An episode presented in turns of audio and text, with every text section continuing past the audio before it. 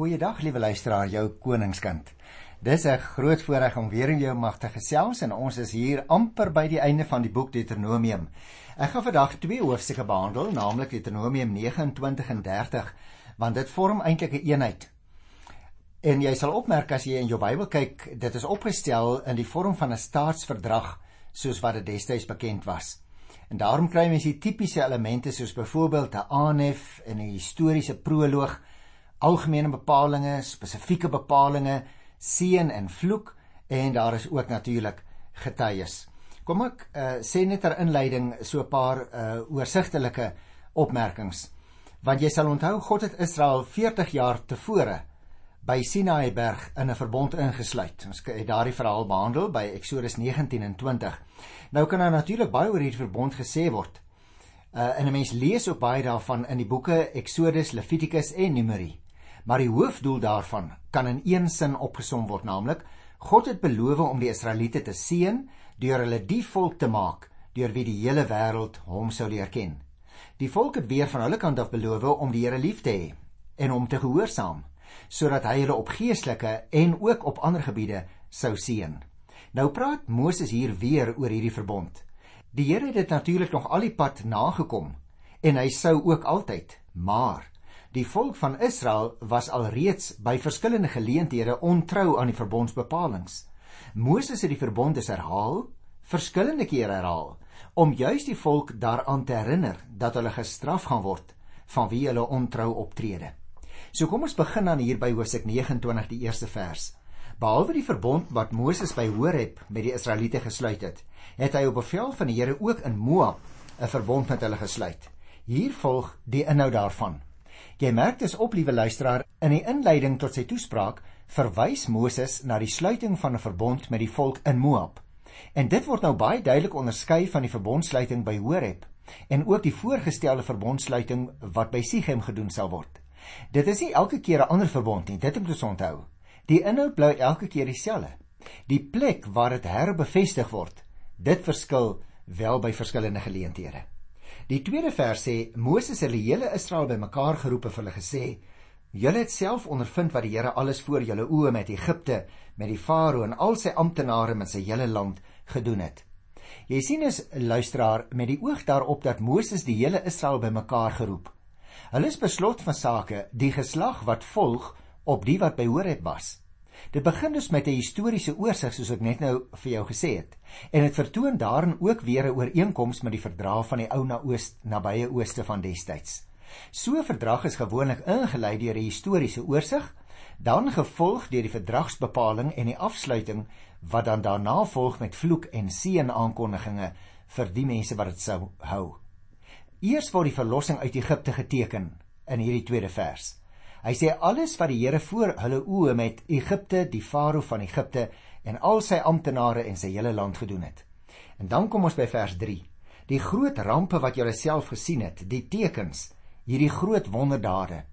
Dit sluit met ander woorde al die rampe, al die tekens, al die wonderdade wat hulle nou ook in die woestyn belewe het in wat na die 10 plaae gevolg het en wat ook nou dus verwys na hulle uitredding uit Egipte land. Vers 4 sê en tog het die Here tot nou toe nie vir julle verstand gegee om te verstaan, oë om te sien en ore om te luister nie. Jy sien, hulle het egter nog nie perspektief daarop gekry nie. Die verstaan van die dinge wat die Here gedoen het, is 'n gawe wat die Here aan hulle moet gee. En daarom reageer hulle nog nie daarop soos hulle behoort te reageer nie. Die verbondsluiting wil nou help om die perspektief vir hulle te ontsluit. Vers 5. Ek het julle 40 jaar deur die woestyn gelei Julle klere het nie aan julle liggame verslyt nie en julle skoene het nie stukkend afgeval van julle voete nie.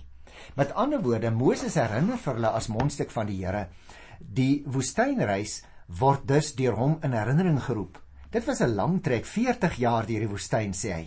En ten spyte van dit alles was daar volkomme voorsiening deur die Here. Vers 6. Julle het nie brood geëet of wyn of bier gedrink nie, sodat julle kon leer dat die Here julle God is. Nou natuurlik, weliswaar was daar nie gewone kos en drank soos brood en wyn en bier soos hulle in die beloofde land sou gaan geniet nie. Tog is hulle van manne voorsien waardeur hulle moes leer dat die Here hulle God is wat elke dag vir hulle sorg. Die 7de vers sê toe julle hier by hierdie plek aangekom het, het koning Sion van Hesbon en koning Og van Basan opgetrek om teen ons oorlog te maak. Ons het hulle verslaan en hulle land afgevat en dit as besitting gegee aan Ruben en Gad en aan die halwe Manasse stam. Sorg dat julle doen wat hierdie verbond bepaal en lewe daarvolgens sodat julle voorspoedig sal wees in alles wat julle aanpak. Jy sien aan die einde van die reis het hulle in die gebied van Moab aangekom waar koning Sion van Hesbon en koning Og van Basan verslaan is deur hulle. En die stuk land is dan uiteindelik aan Ruben en Gad en die hele halwe Manasse stam gegee. Die 9de vers wat ek ook nou net gelees het, gee vir ons 'n terugblik en dit is bedoel om beter perspektief te verskaf. Daarom het ek vir jou gesê daar's gewoonlik 'n historiese oorsig want dit gee vir hulle perspektief elke keer wanneer die verbond herhaal en ook aan die geskiedenis wat agter lê terugdink. Die Here herhaal dus nou by hernuwing hierdie verbond en daarvolgens moet hulle dan lewe sodat hulle voorspoedig sal wees. Kom ons lees vers 10 tot 12. Julle staan vandag almal in teenwoordigheid van die Here julle God. Julle is almal hier, hoofde, stamme, leiers, beamptes, elke Israeliet, ook julle kinders, julle vrouens, selfs die vreemdeling wat by julle in die laar is, die wat julle hout moet kap, die wat julle water moet aandra. Julle staan hier sodat hulle ook deel kan kry aan die verbond van die Here julle God wat hy vandag onder eed met julle sluit. Jy sien liewe luisteraar, die wese van die verbondsluiting word nou hier gegee. Hulle, dit is nou die hoofde, die stamme, die leiers, die beamptes en elke Israeliet, hulle staan op daardie dag, sê Moses vir hulle in die teenwoordigheid van die Here. Maar hierby word dan nou ingereken die kinders en die vrouens en die vreemdelinge, hulle werknemers, die wat hout kap en wat water aandra. En dit is dus 'n baie formele en 'n plegtige geleentheid. Hulle kry deel aan die verbond wat die Here met hulle gesluit het hierso. Hulle staan voor die Here staan daar en hy bevestig dit alles met 'n eed. Luister na vers 13 en 14. Hy maak julle vandag sy volk sodat hy julle God kan word. Soos hy beloof het en soos hy met 'n eed beloof het aan julle voorvaders Abraham, Isak en Jakob. Die Here het gesê, dit is nie net julle met wie ek hierdie verbond onder eed sluit nie. Dit val dus my op dat die aard van die verbond word hier deur 'n baie belangrike uitspraak verduidelik. Die verbond is nie net vir hulle nie. Luister na vers 15. Hy sluit die verbond met almal wat vandag hier saam met ons voor hom is, die Here ons God. Almal wat hier staan, maar ook met hulle wat nie vandag hier saam met ons is nie. Jy moet dit uh, duidelik raak sien, liewe luisteraar, die Here sluit die verbond met almal wat daar voor God staan, maar terselfdertyd ook met diegene wat nie op daardie dag daar is nie. Dit slaan dus nie net op diegene wat afwesig is vanweë siekte of ander omstandighede nie, maar dit gaan oor die toekomstige geslagte. Dit is duidelik uit die wyse waarop die nageslag by die verbond by Horeb ingereken is. Jy kan gerus weer Hoofstuk 5 se eerste verse gaan lees. En natuurlik ook die feit dat hier beloftes gegee word wat veral vir die toekomstige geslagte gaan geld. Ons gaan dit net nou in die 30ste hoofstuk raak lees. Almal is dus deel van 'n verbondsgemeenskap wat oor die grense van tyd heen strek. 'n Enkele terugblik in die inleiding tot 'n ernstige waarskuwing dat 'n donker toekoms wag vir hulle wat afvallig sou word van die Here. Kom ek lees vers 16 tot 18. Julle weet hoe ons in Egipte gewoon het en hoe ons tussen die nasies deurgetrek het en hoe en waar julle verbygetrek het. En dan sê nog 'n paar sinne aan sluit hy af in vers 18 as daar so iemand is wat dan nou afvallig word so 'n gewortel wat alles kan vergiftig. Met ander woorde, luisteraars, hulle word herinner aan wat hulle in Egipte en ook by ander nasies tussen wie hulle deurgetrek het gesien het. Dit was afskuwelike afgodsbeelde van hout en klip en silwer en goud, jy sal dit nog onthou. Maar hulle moet nou versigtig wees om nie afvallig te word deur sulke gode agterna te loop nie. Dit kan natuurlik 'n enkele persoon wees, 'n man of 'n vrou word ook hier genoem in die verse, of 'n groep, 'n familie of 'n stam. Dit kan almal mense wees wat op 'n gevaarlike weg hulle voet sit.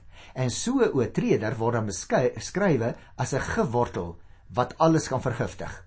Hierdie term is interessant, dit word ook elders gebruik tussen hakies om swaar kry en smart aan te dui gaan kyk maar Jeremia 23 vers 15 of ook in Klaagliedere 3 van die 15de vers af.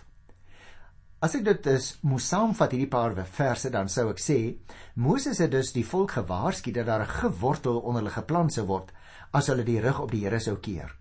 As ons besluit om die verkeerde ding te doen, liewe luisteraar, dan plant ons ook dikwels 'n saadjie wat uiteindelik 'n hele oes van droefheid en van pyn tot gevolg kan hê.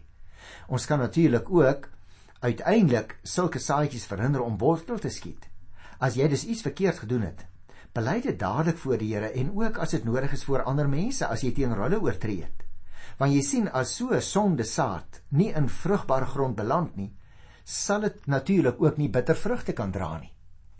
En dan kom ons nou hier van vers 19 af tot by vers 23. Ek lees so iets daarvan.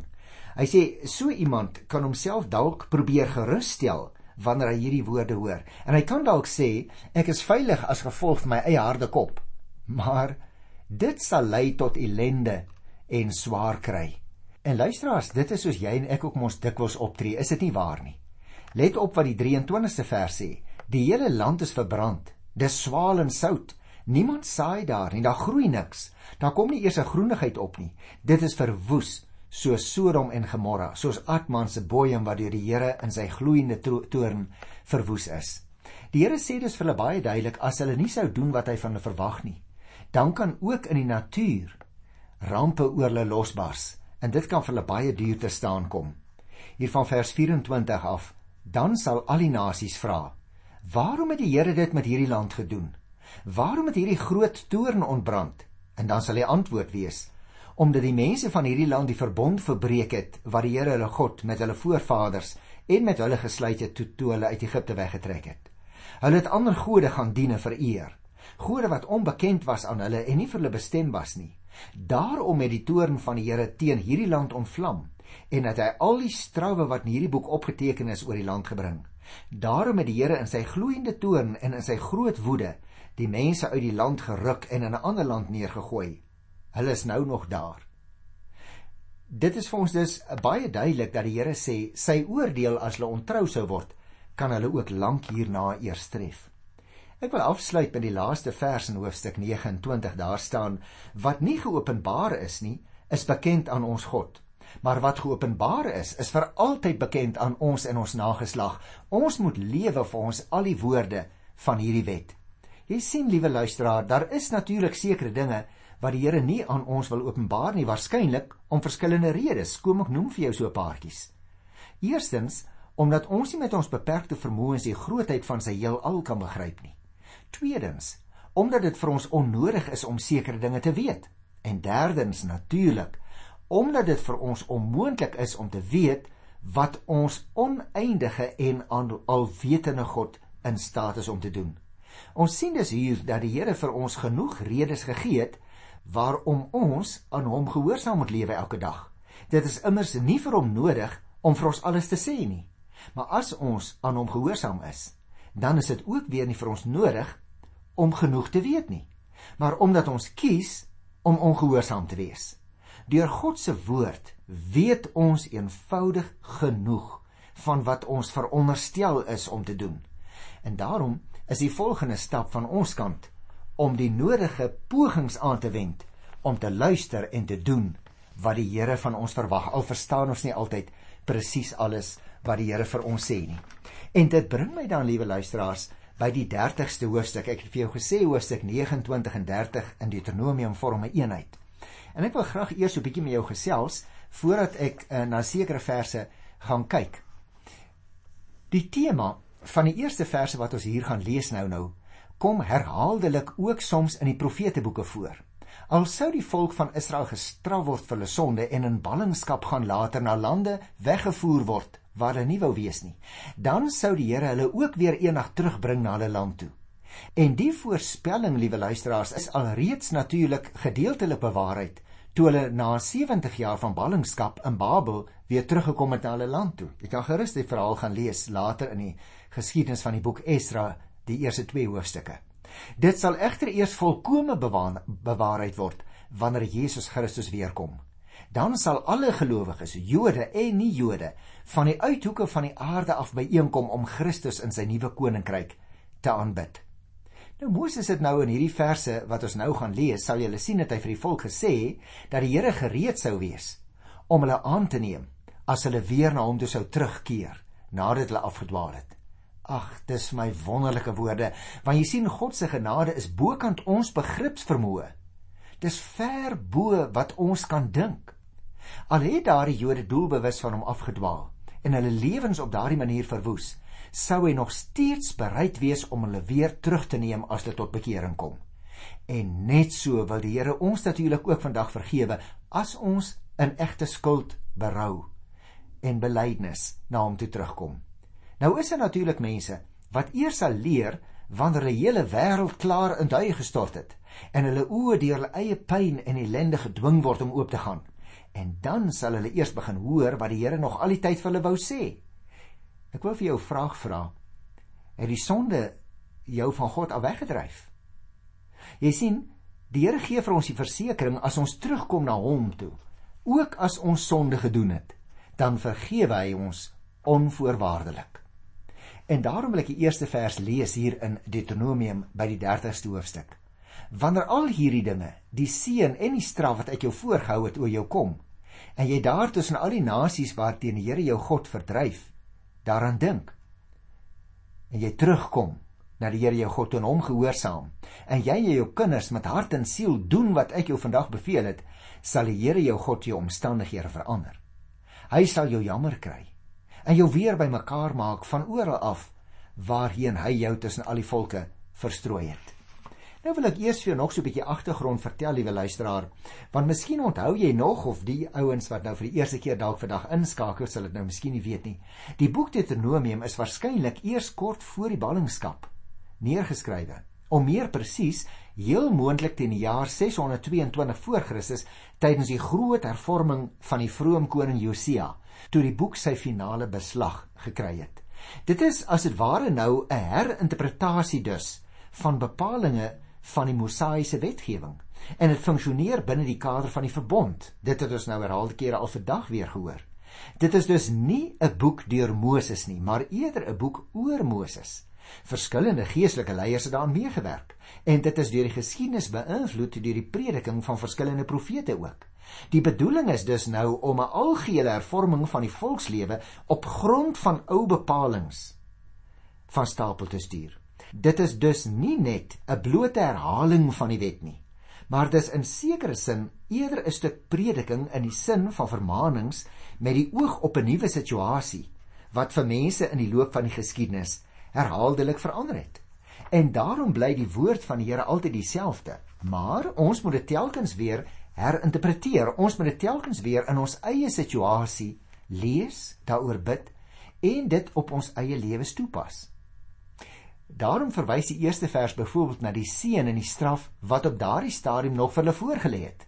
En ek het vir jou gesê dit slaan alreeds op die ballingskap wat gaan kom as gevolg van hulle eie ongehoorsaamheid binne die verbond word met een geslag gepraat, maar tog tog ook oor dinge wat volgende geslagte in die toekoms nog sal raak.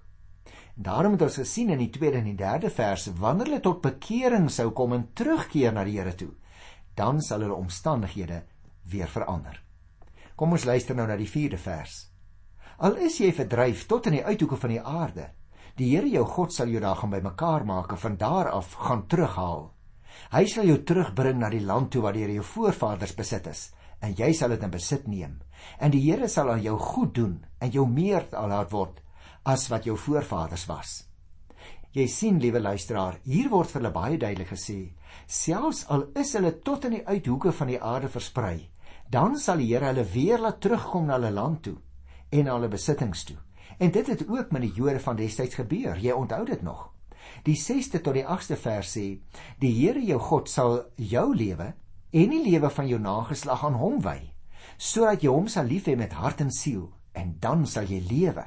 En die Here jou God sal al hierdie strawwe laat neerkom op jou vyande en op jou haters vir jou vervolg. Dan sal jy terugkom na die Here en hom gehoorsaam en volgens al sy gebooie lewe wat ek jou vandag beveel. Liewe luisteraar, merk jy op Die Here gee nie net uiterlike seëninge nie, maar ook geestelike seëninge. Dis baie duidelik hier uit vers 6 tot 8. En dan vers 9 en 10, en ek is nog steeds hier by Deuteronomium hoofstuk 30. Die Here jou God sal jou nou voorspoedig maak in alles wat jy aanpak. En hy sal jou kinders, die aandeel van jou vee en die opbrengs van jou land baie maak, sodat dit met jou goed sal gaan. Wanneer jy die Here jou God gehoorsaam aan sy gebooie en voorskrifte nakom wat opgeteken is in hierdie wetboek, en wanneer jy met hart en siel terugkom na die Here jou God, sal hy hom weer oor jou verbly, soos hy hom oor jou voorvaders verbly het, en sal dit met jou goed gaan. Nou natuurlik, ek dink hoewel dit in die Ou Testament opgeteken is, is dit ook vir jou en vir my van belang. Want wanneer gelowiges terugkom na die Here toe, en nou moet jy oplet, liewe luisteraar, dit gaan nie oor 'n 'n spesifieke entiteit of 'n spesifieke volk Israel nie. As Nuwe Testamentiese gelowiges is ons die nuwe volk van Israel. En daarom moet ons ook hierdie dinge in die woord van die Here leer. Moet ons telkens weer daaruit ontdek dat ons ook wanneer ons as Christus gelowige mense afgedwaal het, moet ons weer terugkom na die Here toe. Want hy het vir ons seën in gedagte en hy wil dit graag oor ons gee eerder as om ons te straf. Per slot van die Here Jesus Christus se offer is daar 'n offer in ons plek gebring op grond waarvan ons Vader op ons vryspreek. Maar dit hef nie ons verantwoordelikheid teenoor ander mense op nie, broers en susters. Ons kan nie maar aan die een kant ons sonde bely en aan die ander kant net doodgewoon voortgaan teen om te sondig teenoor ander mense of teenoor die Here nie. As ons ons sonde bely het en terugkom na die Here toe, dan moet ons opstaan en die nuwe lewe begin lei. En dit is presies hierdie soort goed wat ook vir hierdie mense voorgehou word dat hulle die Here moet dien en as hulle ontrou word teenoor hom of ander mense en hulle kom dan die Here toe terug, dan wil hy, ja meer nog, dan sal hy hulle vergewe. Ek wil vers 20 lees nou wil ek nog so 'n bietjie gesels oor die hoofstuk in Hebreërs verband om die Here jou God lief te hê, hom te gehoorsaam en hom aan te hang, sal vir jou lewe gee en jou lank laat woon in die land wat die Here met 'n eed aan jou voorvaders Abraham en Isak en Jakob beloof het om aan hulle te gee. Ek sou sê as jy my sou vra wat beteken die Bybel vir ons vandag in hierdie verband? In die lig van hierdie twee hoofstukke is daar vir my lyk dit vir my nie veel sin in om ons voortdurend by belydenis net te gaan stil staan nie of om ons voorgeslagte net al ewig te wil blameer nie. Dit gaan hier oor die vraag: is hierdie geslag, dis nou jy en ek, ook bereid om nou aan die Here gehoorsaam te lewe sodat die toekoms vir onsself en vir ons nageslag verseker kan word? Liewe luisteraar, As ek na ons eie geslag kyk en sien hoe elkeen op ekonomiese terrein maar net wil probeer gryp wat hy kan, dan het ek nogal bedenkinge hoor of ons regtig bereid is om werklik tot bekering te kom. Kyk jy na die politieke terrein, dan het 'n mens soms bedenking of ons bereid is om aan ander te gee wat ons vir onsself wil opeis. Dink maar net aan die maatskaplike terrein as jy rondom jou kyk, want jy sien dan het ek bedenkinge of die wanpraktyke enige iets goeds kan inhou vir die toekoms as ek soms so kyk wat wat ek rondom my gare slaan. Wat is myns insiens uit hierdie skrifgedeelte ook van jou en van my gevra word is twee dinge. Eerstens, onvoorwaardelike bekering van ons materialisme, ons eie geregtigheid, ons maatskaplike onreg, ons traagheid in die Here se diens. En tweedens, 'n verbintenis voor die Here om aan hom gehoorsaam te lewe elke dag. Dat ons hier baie redes waarom ons nie volkome gehoorsaam aan hom lewe nie sal moet los en ons sal moet verbind om werklik te doen wat ons glo. Kom ek sê dit vir jou andersom. Onthou, môre word vandag bepaal. Daar's regtig nie veel sin in om net terug te kyk en ander te wil blameer nie. Ons moet persoonlik verantwoordelikheid aanvaar en môre help vorm en uitwerk. Daarom wil ek vir jou vra, kom ons ondersoek onsself Is ons regtig bereid om te doen wat die Here van ons vra op elke terrein, finansiëel, maatskaplik, polities, godsdienstig? Tweede vraag: Is ons regtig bereid om tot bekering te kom op hierdie terreine wat ek nou net genoem het of selfs ander? En die laaste vraagie vir vandag: Wil jy nie ook vandag by hernuwing teenoor die Here verbind nie om in gehoorsaamheid te gaan lewe en te doen wat jy en ek agterkom verkeerd is in ons lewens. Met hierdie vraag groet ek jou in die naam van ons koning tot volgende keer. Tot dan. Totsiens.